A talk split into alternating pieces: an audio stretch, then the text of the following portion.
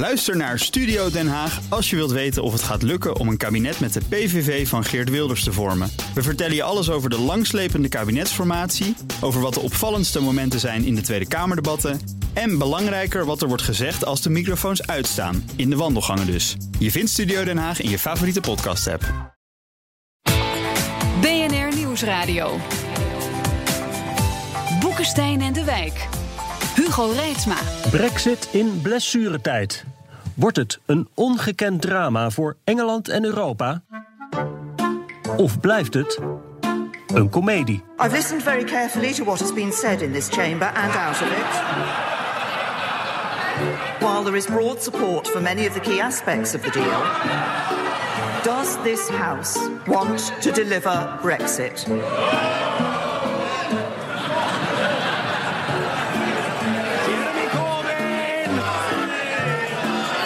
The government has lost control of events and is in complete disarray. If the Prime Minister cannot renegotiate a deal, then she must make way. Premier May, deze week uitgelachen in het parlement. Het is soms zo pijnlijk dat het weer grappig wordt. Zoals vaker in de nieuwe wereldorde. Welkom bij Boekenstein en de Wijk met in de studio. Hij weet altijd precies hoe het verder moet met dingen. Dus wij zijn zeer benieuwd naar zijn advies dit keer op de wijk. Succes daarmee. En hij ziet zaken altijd van de zonnige kant. Jij ook succes daarmee dit keer. Arend Jan Boekenstein. Onze gast is Matt Steinglas, Europa-correspondent voor The Economist. Welkom, Matt. Dag. Ik moet je even waarschuwen om te beginnen. Rob is altijd een beetje een somberaar. Na een half uur praten komt vaak de derde wereldoorlog eraan. Dus dan weet je dat vast. Misschien kunnen we even optimistisch beginnen dan. Wat is het scenario waarin het met de brexit helemaal goed komt? Nou, met de brexit gaat het helemaal niet goed komen. Eh, de, beste, de, de meest optimistische scenario is natuurlijk dat ze niet vertrekken. Maar eh, de kansen daarvan, nou, ze zijn een beetje gestegen misschien de laatste paar weken. Maar eh, ze zijn niet zo hoog. En ja, daar, de, de, tweede, de tweede na beste resultaat zou zijn dat ze gewoon tekenen. Dat die, die akkoord die, die mee al heeft bereikt gaan tekenen, toch? Ja, Ik met zie optimisme vertwijfelde kom je niet blikken aan de ver, andere kant. Hugo. Optimisme Ja, is gewoon een goed gevoel en geen strategie. hè. Dat slaat eh, helemaal weten we dood slag hier.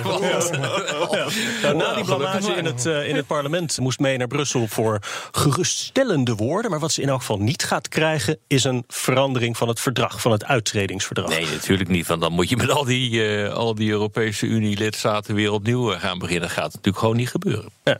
Dus het wordt niks. Nou ja, dat betekent dus dat het wel duidelijk is. Ik bedoel, ja, ik kan zeggen dat wordt niks. Nee, maar het is wel duidelijk. Dus er komt geen verdragsverandering, geen aanpassing in eh, die hele transitiefase. Nou ja, dan moet je dus gewoon gaan bekijken wat de opties voor mij nog zijn. En het is een hele hoop. Alleen het aardige is, ik heb ze op een reis gezet. In eh, heel veel gevallen ontstaat er een harde brexit. Je kunt zeggen van nou ik hou ermee op, ik eh, treed af. Nou, dan eh, heb je dus feitelijk geen mogelijkheid meer om eh, die zachte brexit er doorheen te krijgen. Dat is een harde brexit. Eh, je kunt eh, zeggen van ik eh, schrijf eh, nieuwe verkiezingen uit. Idem dito. Eh, ik, ik zie het niet anders, maar misschien zien jullie het wel anders. Nou, er is toch één muizengaatje, er is nog één muizengaatje waar, waarvan ik niet denk dat het zal gaan gebeuren. Ook een beetje de gok van May zelf, denk ik. Van, kijk, van de 650 leden van het Lagerhuis heeft ze er eigenlijk maar 200. Ze heeft eigenlijk een derde van het Lagerhuis. Dus er is geen meerderheid voor welke deal dan ook nu. Dat, dat, is de situatie. Er echt Ik vind, dat, ik vind dat toch een logisch gek trouwens. Hè? Dat, er moet toch een meerderheid zijn voor iets? Nee, maar Lijkt me, maar- Als, als, als, als Nee. parlement verdeeld is, kan het zo zijn dat er dus geen meerderheid is voor welke deal dan ook. Nee, omdat je, Maar- omdat je dus inderdaad Ja. tegen kunt zijn Ja. om verschillende redenen. Om tegenover elkaar Ja, eh, staande redenen. Dus Ja. krijg je dit. Ja, het is, het is die eh, fameuze Condorcet-dilemma, toch? Waar je heel veel keuzes hebt en, eh, en alles, er is geen enkele die de, die de andere kan verslaan. Ja. Precies. Ja. Maar er is één, er is één muizengaatje en daar hoopt ze zelf op. Ze hoopt dat tijd haar vriend is. We zien het Britse pond al een beetje dalen. Stel je nou eens voor dat het in januari veel erger wordt. Hè? Stel je voor dat de beurs in elkaar klapt. En dan gaat ze zeggen van luister eens, jongens... als je mijn soft brexit neemt... kost toch een hoop minder geld dan de harde brexit. Zou je niet nog eens willen nadenken? En dan druk van de publieke opinie, dat is wat ze een beetje hoopt. Ja, dan denk ik dat je daar wel gelijk in hebt. Maar Ja, is nou, dat de, de zijn- strategie van premier May? Uh, er zijn heel veel mensen die daarop rekenen. Of dat haar strategie precies is, weet ik niet. Maar ik hoor van collega's bij The Economist al... ja, ik, ik heb al zes maanden het gevoel van... dit gaat een, een no-deal Brexit worden. Want je ziet eh, elke keer dat er een alternatief op zijn, zijn kop opsteekt... wordt het uh, afgehakt. Maar ik heb collega's die hebben gezegd... wacht maar, drie maanden voor, uh, voor 29 maart eh, ga je de reactie van de markten krijgen. En dat gaat een resultaat dwingen. Ja, en May die brengt haar, nou ja, wat ze dan ook uiteindelijk weet te regelen in Brussel, begrepen we in januari pas in stemming hè, in, uh, in Londen. Ja. Dus dan wordt het inderdaad een keus tussen deze deal of geen deal. En ze hoopten ook op een opstand binnen de Labour-partij. Hè, want Corbyn wil eigenlijk alles wat ze, wat ze aan het parlement voorlegt, wil die afstemmen. Maar een deel van Labour is zeer ongelukkig met die hele harde Corbyn-lijn. Want die willen eigenlijk veel liever een soft Brexit dan een harde brexit. Dus dat zou ook misschien nog kunnen schuiven. Hè? Maar, als het, eh, maar dat is een heel interessant. Hè? Als, uh, als je het inderdaad, dat is een scenario, je brengt het in stemming. En het wordt weer afgeketst. Uh, dus het uh, parlement zegt: nee, wat gaat er dan gebeuren? Dan heb je dus een, heb je dan een no-deal Brexit. Of kun je dan opnieuw gaan stemmen om te zeggen: we hebben een no-deal Brexit of we blijven. Ja. Kan dat? Eh, een van de grote vragen, er zijn zoveel vragen in de, in de situatie, maar uh, een van de grote vragen is: stel voor dat ze wel een zogeheten people's vote toelaten. Mm Dat ze nog een hele referendum. Dat is een referendum. Ja, want dat is feitelijk wat er dan gaat gebeuren. Uh, nou, dat, dat is ook eigenlijk nee, maar dat kan. Dat, het, kan, het kan gebeuren. Het probleem is dan natuurlijk welke vragen, welke opties zitten op die tweede referendum. En uh, als je het uh, strategisch, strategisch aankijkt, is het meer logisch voor haar dat zij zegt: Nou, hier zijn de twee opties. Mijn, mijn akkoord of geen Brexit. Exact. Ja. Want dan krijgt ze eigenlijk de, de, hele, ja, de hele achterban van de Tory-partij achter haar. Van zij willen wel een, Brexit hebben. En als, als haar deal de, de enige optie is voor een Brexit, dan uh, gaat dat waarschijnlijk. Maar dat is, toch niet het, dat is toch niet de keuze? Want als je niks doet, dan krijg je niet geen Brexit, maar dan krijg je een chaos-Brexit. Dus het is de keuze tussen haar deal en geen deal. Niet tussen haar deal en geen brexit. Nou, dat, dat is een, maar dat, dat staat apart van het referendum. De vraag, ik, ik spreek over welke, welke opties je zou kunnen hebben op een referendum. Oh, dat, de, referendum. No, deal, no deal is wat er gebeurt als je niks doet. Dus dat, in, in zeker opzicht is dat de meest waarschijnlijke. Maar is dat dan automatisch of kun je als je dit afstemt, wat er nu op tafel ligt, kun je dan vervolgens gaan stemmen over een no-deal Brexit of geen Brexit? Ik kan zie, dat? Uh, mensen, mensen praten daarover soms in de, in, op, op de televisie in, in Engeland. En ik vind dat eigenlijk moeilijk te begrijpen. Je krijgt een no-deal Brexit als je niks doet. Dus ja, waarom maar omdat, zou je we hebben net moeten hebben? Ja, dat klopt, maar we hebben net ook geconstateerd... dat je voor, de, voor verschillende redenen tegen dit akkoord kan zijn. Dan is het ook logisch, het wordt wel heel complex trouwens... Ja, al meteen. dan is het ook logisch dat je vervolgens kan stemmen... als je het af hebt gestemd, uh, voor wel of niet blijven. Dat kan. Ja. Dat zou een logische zijn, omdat uh, er op verschillende, om verschillende redenen wordt gekozen tegen uh, dit akkoord. Ja, eh, als ik kijk naar de, als ik kijk naar de neiging van May, keer op keer. Weigert zij... ze, ze weigert het constant. Ja, Haar hele politieke bestaan. Mm -hmm. wat ik dacht, daarom is May een onderdeel van het probleem eigenlijk, vind ik. Nou, weet ik niet. Want gisteren heeft ze toch wel, en verderop deze week ook, toch wel weer wat openingen geboden. En een hele belangrijke is dat ze heeft gezegd: Ik zal niet uw premier meer zijn. En ik ga mij niet meer kandidaat stellen voor in de volgende verkiezing. Ja, dat is wel, kijk, en dat maak je wel heel krachtig, want dan maakt het gewoon ook niet meer uit. Ja, het enige wat er nog uitmaakt, misschien voor jezelf, hoe lang blijf ik dan nog premier? Maar je haalt toch niet een. De volgende termijn is niet voor jou. En dat is wel heel belangrijk. En dat zou ook onderdeel kunnen zijn van dit spel. Dat je op een gegeven moment zegt van oké jongens, ik heb alles bij elkaar uh, uh, bekeken. Uh, we gaan inderdaad nog eens even stemmen van willen we dit nu eigenlijk wel? En dan ga je een stemming krijgen tussen een chaotische hard brexit of geen brexit. Of je zegt ik doe een referendum. En dan wordt het interessant. Want wat ik nou continu hoor van, vanuit, althans de contacten die ik heb, onder andere in het House of Lords. Daar wordt gezegd van als de polls uitwijzen dat 60% van de bevolking voor blijven, blij, uh, blijven stemt, mhm. dan willen we een referendum gaan organiseren. Dan wordt dat een hele aantrekkelijke optie.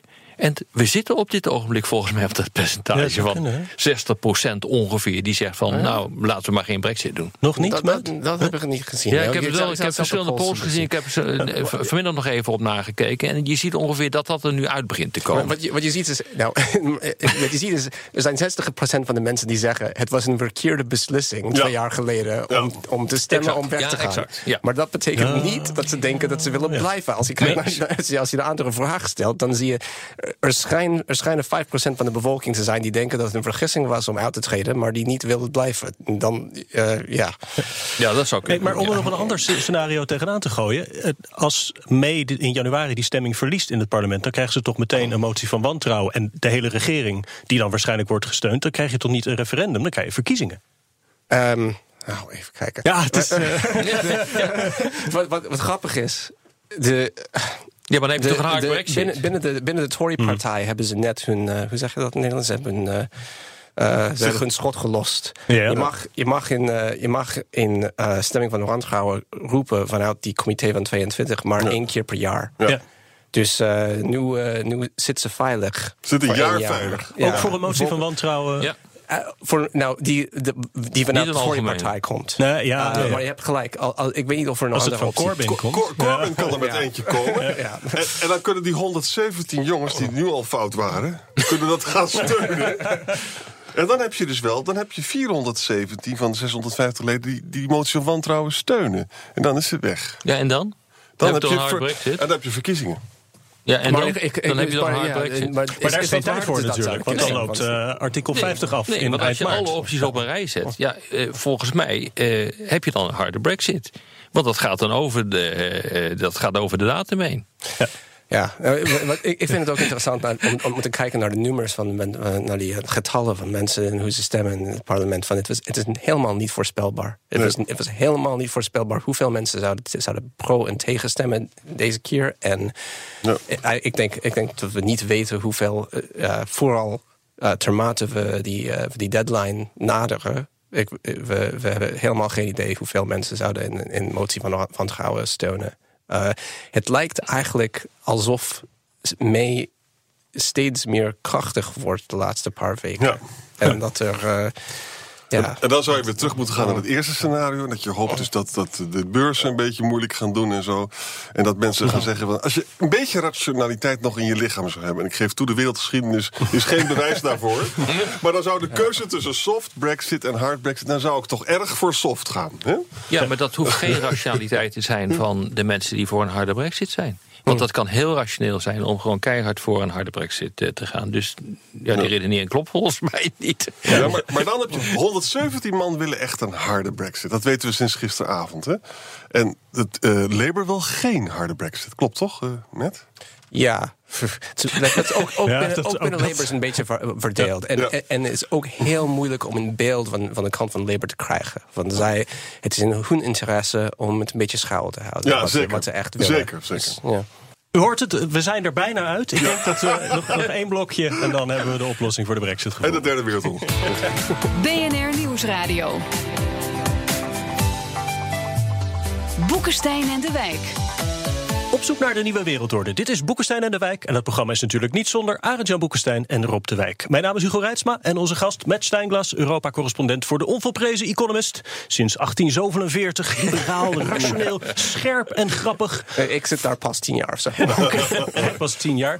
Maar dit is eigenlijk een beetje, als ik die Economist lees, dan denk ik, oh ja, dat is het, het, het leuke, bewonderenswaardige, mooie Engeland dat we kennen. Wat is er gebeurd met dat land? Ja, nee, wij begrijpen het ook niet. Uh, wij waren helemaal voor Remain natuurlijk. En uh, ja, het is, heel, het is heel moeilijk te begrijpen hoe snel een politieke systeem die beroemd was voor zijn redelijkheid uh, en onrevolutionaire karakter uit elkaar kan vallen. Is ongelooflijk. Is het he, de, de, globalisering, waar je natuurlijk veel meer weerstand tegen ziet? Is het populisme? Is het uh, de, de, gekrenkte oud-wereldmacht? Nee, het, het, is een heel interessante combinatie van heel veel verschillende factoren. Maar het is uh, ten eerste dat uh, die polarisatie die ingebouwd zit in de, in, de, in de Engelse systeem, dat twee-partijen systeem.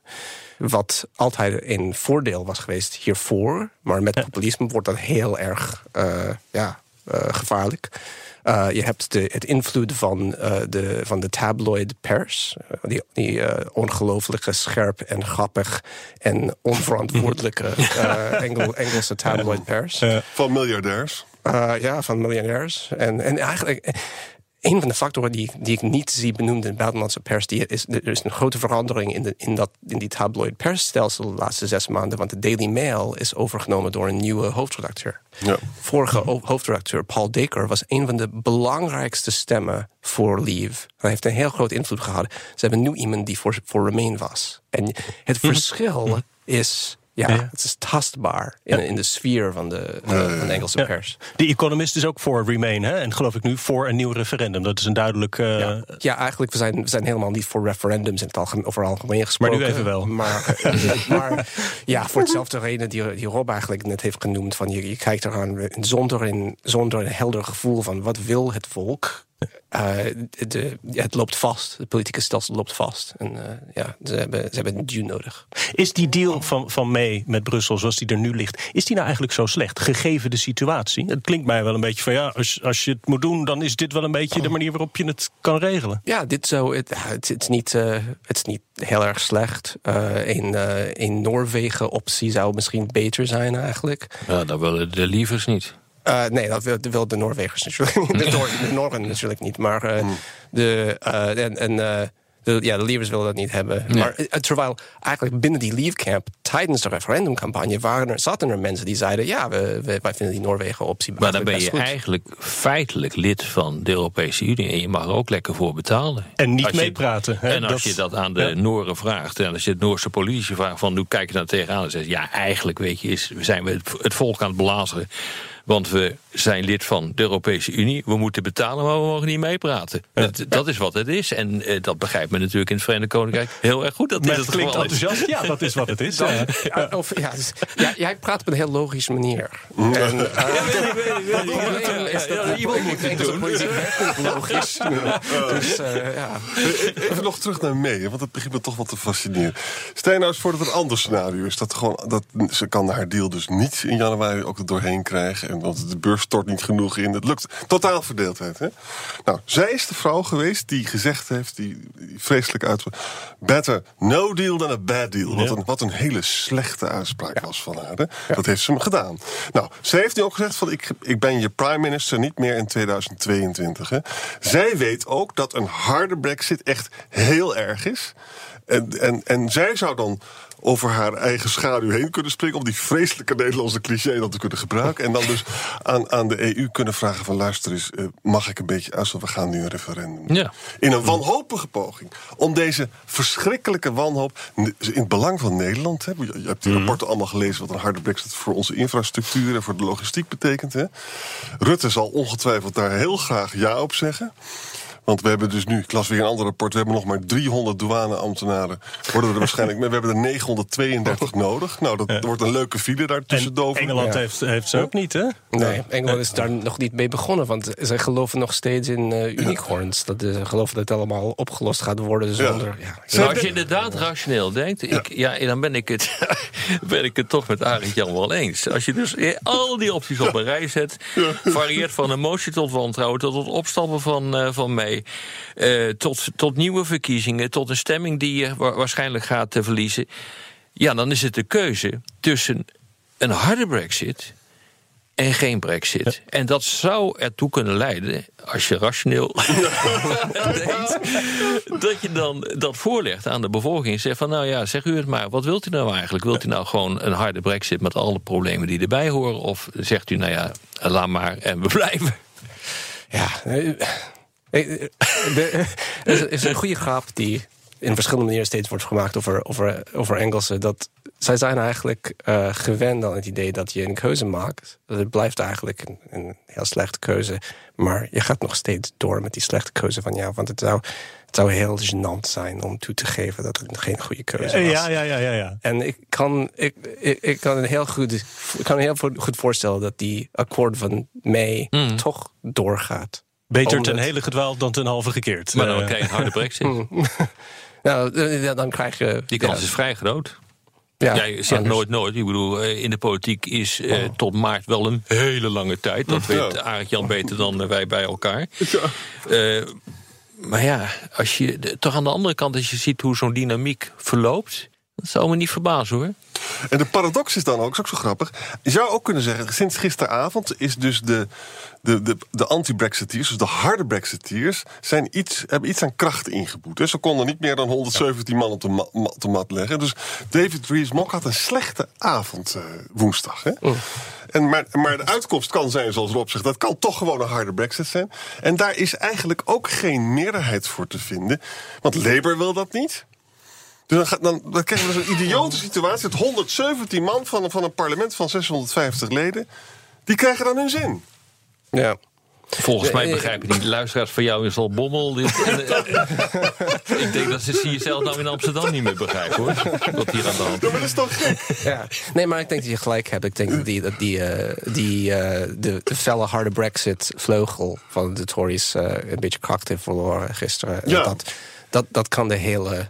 Dat kan de hele richting van de momentum een beetje veranderen. Dus, eh, Zullen we nog eventjes naar onszelf kijken? Dat wil zeggen naar Europa. Met, jij zei eh, tijdens de reclame van ik vraag aan geïnformeerde Nederlanders wel eens graag van stel dat Engeland toch zou blijven. Willen jullie dat dan wel? Ja, ik vind dat een, een heel interessante vraag. Ik weet. Dat zal, niet pret, dat zal niet fijn zijn. Het zal niet prettig zijn als, eh, als Engeland blijft. Want het blijft een heel verdeeld land. Hoe je dan het ook, het ook went of keert. Als zij, als, als zij uiteindelijk in de, toch in de EU zullen blijven... dan minstens 40, 45 procent van de bevolking zal ontzettend woedend zijn. En Krijg je allemaal dat, woedende eh, Britse Europarlementariërs die alleen maar overal nee tegen zeggen? Ja, Ja. en, eh, en de, het land zal nog steeds gericht... en eigenlijk zelfs meer gericht zijn op... wat kunnen wij uit de EU halen. Alleen maar trans- transactioneel bezig. Want wij moeten aan de kiezers laten zien... dat het toch zin heeft gehad om binnen, om binnen de EU te blijven. Dat was altijd het probleem met, eh met de Verenigd Koninkrijk. Eh, ze Dat geloofden- zal ook zo blijven. Ja. ja. en zelfs erger worden waarschijnlijk. En ehm, ja, het gaat gewoon niet. Het gaat gewoon niet weg. Nooit weg misschien, dit soort gevoel. Van, het is eh, natuurlijk nooit weg geweest sinds ze zijn aangetreden eh, binnen de. Europese Unie. Maar ik denk dat als dit eh, gaat gebeuren, dat we ze, wij Europeanen op het vasteland, we ze denk ik toch met open armen ontvangen. Denk je niet, Zeker, Arjan? want, kijk, laten we wel zijn. Oost-Europa schaft de rechtsstaat af. Italië gaat helemaal niet goed. Hè? Macron is vastgelopen. Trouwens, heel ernstig hoor, Frank. Dan moeten we gauw weer een uitzending... Het is heel ernstig wat er met Macron gebeurt. En, dat, en dat Marine Le Pen zou zomaar de volgende president worden. Nou, daar ook nog eens een keer Brexit bij. Dus dan kan dat Vanuit gekke eiland, dat kunnen we er best bij Nou gebruiken. ja, ik, ik wil heel graag, de Duitsers en de Nederlanders willen heel graag dat de Britten erbij blijven. Ja, en de derde wereldoorlog breekt hier niet door uit hoor, als ze er weer bij Dat valt me komen. mee dat die nog niet is gevallen, Rob. Dat is toch wel van je. Ja. Maar zou, zou je wel zeggen dat, dat Europa het handig aanpakt om ook dat doel te bereiken van liefst geen brexit? Door zich zo ik hard denk, op te het, stellen? ik denk het wel. Ja, nou, hard opstellen. Je moet ook kijken wat de dynamiek is binnen de Europese Unie. Je, je moet met een hele hoop landen moet je proberen tot een akkoord te, komen. Dan, ik vind het al ongelooflijk dat je dit voor elkaar krijgt. Ik bedoel, als je dat akkoord leest, althans je probeert te lezen hoe dat in elkaar zit, hoe zo'n backstop in elkaar zit, eh, dus hoe die. Noord-Ierse kwestie is eh, geregeld. Ik heb daar diep eh, bewondering voor dat iemand dat gewoon eh, met z'n allen weet te verzinnen. Maar dat zijn zulke complexe eh, processen die zo lang duren. Dat ga, dat, daar trek je niet even wat uit. Want dan begint de hele boel te schuiven. Dat is gewoon de essentie van het onderhandelen van verdragen. Alles hangt met alles samen. En je kan niet even gewoon één ding eh, gaan veranderen. Want dan ga je aan alle knoppen draaien. En dan eh flikkert het hele zootje in elkaar. Dat komt het feitelijk op neer. En dat wil je dus gewoon niet. En dan ben je nog veel verder van huis. En wat ik echt ongelooflijk vind, die backstop betekent dus je wil een onzichtbare grens houden tussen Ulster en Zuid-Ierland. hè? nou, dat is prachtig. En, maar dat, dat, zal dan heel lang duren, want anders, dan, eh, gaat het natuurlijk fout. Hè? En het is duidelijk dat, dat de Europese Unie heeft natuurlijk een buitentarief. Dus dat zal op een gegeven moment moet het veranderen. En de Britten hebben heel lang gedacht dat ze met die, met die onlogica weg konden komen. Dat Ja. iemand, terwijl maar, er dat is, is, maar je kent Britse systemen. Britse systemen zijn. Ze, ze, ze bouwen ge- geen gehele logische systemen. Te pragmatisch, Er zit daar allemaal rare koppelingen erin en iets ouds die nog overgebleven is. Zij denken altijd: ja, dat kunnen we toch eh, regelen op de een of de andere manier. En dat hebben ze gedaan met die grens. Maar dat blijkt niet het geval te zijn. We zijn er net niet helemaal uitgekomen hoe het verder moet met de brexit. Maar met in elk geval toch deze warme woorden. De Britten blijven welkom. Dit was weer Boekenstein in de Wijk. Namens Arend-Jan Boekenstein en Rob de Wijk zeg ik dank voor het luisteren. Speciale dank aan Matt Steinglas van The Economist. Lees dat blad. Boekenstein in de Wijk is elke zaterdag om 11 uur op de radio. Maar wanneer u maar wil online, via iTunes, Spotify of uw eigen podcast-app. Abonneert u zich op de podcast en daar kunt u ook reageren. Hebben we nog een goede brexit-grap om mee te eindigen? het is toch serieus aan het worden, is zo'n flauwe grap van... Ken je nog die grap van Brexit? Hij ging niet door. Tot volgende week.